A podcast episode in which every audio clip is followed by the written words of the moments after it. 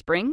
Is that you? Warmer temps mean new Allbirds styles. Meet the Super Light Collection, the lightest ever shoes from Allbirds, now in fresh colors. These must have travel shoes have a lighter than air feel and barely their fit that made them the most packable shoes ever. That means more comfort and less baggage. Try the super light tree runner with a cushy foam midsole and breathable eucalyptus fiber upper. Plus, they're comfy right out of the box. So, what can you do in a super light shoe? What can't you do is the better question. And because they're super packable, the real question is where are you taking them? Experience how Allbirds redefines comfort. Visit allbirds.com and use code SUPER24 for a free pair of socks with a purchase of $48 or more. That's A L L B I R D S.com. Code SUPER24. Txano gorri, txo. Bazen behin, txanogritxu izeneko neska polit bat. Egun batean, bere amak amonaren etxera joatea esan zion pastelak eramateko. Gaixorik zegoen eta. Txanogorritxuren amak basoan konduzibitzeko esan zion, otxoa zegoelako. Txanogorritxu basotik joan zen lasai-lasai, baina bat batean otxoa agertu zen. Otxoa txanogorritxuri norazioan galdetu zion, eta bera amonaren etxea zi- zioala erantzun zion.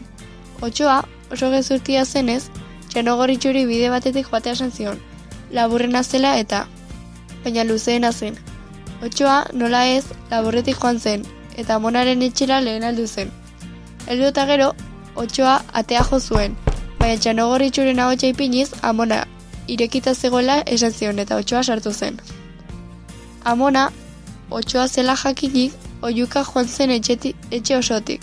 Txanogorritxu oraindik ez zen amonaren etxera heldu, baina bidean zehar lore polit batzuk hartu zituen. Txanogorritxu amonaren etxea bidetik ikusten zuen eta otxoa txanogorritxu hurbil zegoela jakinik amonaren jantzia ipini, ohere sartu eta pixka bat itxaron zuen. Txanogorritxu atea jo arte. Txanogorritxu azkenik heldu zen eta atea jo. Sartu eta oean jasarri zen. Amona pixka bat arraro ikusten zuen eta esan zion. Amona, amona, ze sukur handia daukazun. Eta otxoa erantzun zion. Zu hobeto usaintzeko. Eta txanogorritxu berriz. Amona, amona, ze hau handia daukazun. Eta otxoak berriro. Zu hobeto jateko. Txanogorritxo oso beldurtuta korrikasi zen oiukatzen. Lagundu, lagundu, otxoak harrapatu nahi dit. Handik zegoen iztari batek entzun, eta ziztu bizian joan zen amonaren etxera. Iztaria heldu zen eta otxoari bere eskopetarekin bitiro eman zion bularrean. Eta klaro ez da, otxoa izen. Janogorritxu eta iztaria amona etxetik bilatzen egon zen eta hau arbairuan zegoen.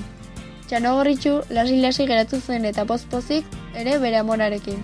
Iztariari eskerrak eman eta hau otxoa sorbaldan eramante, eramanda joan zen.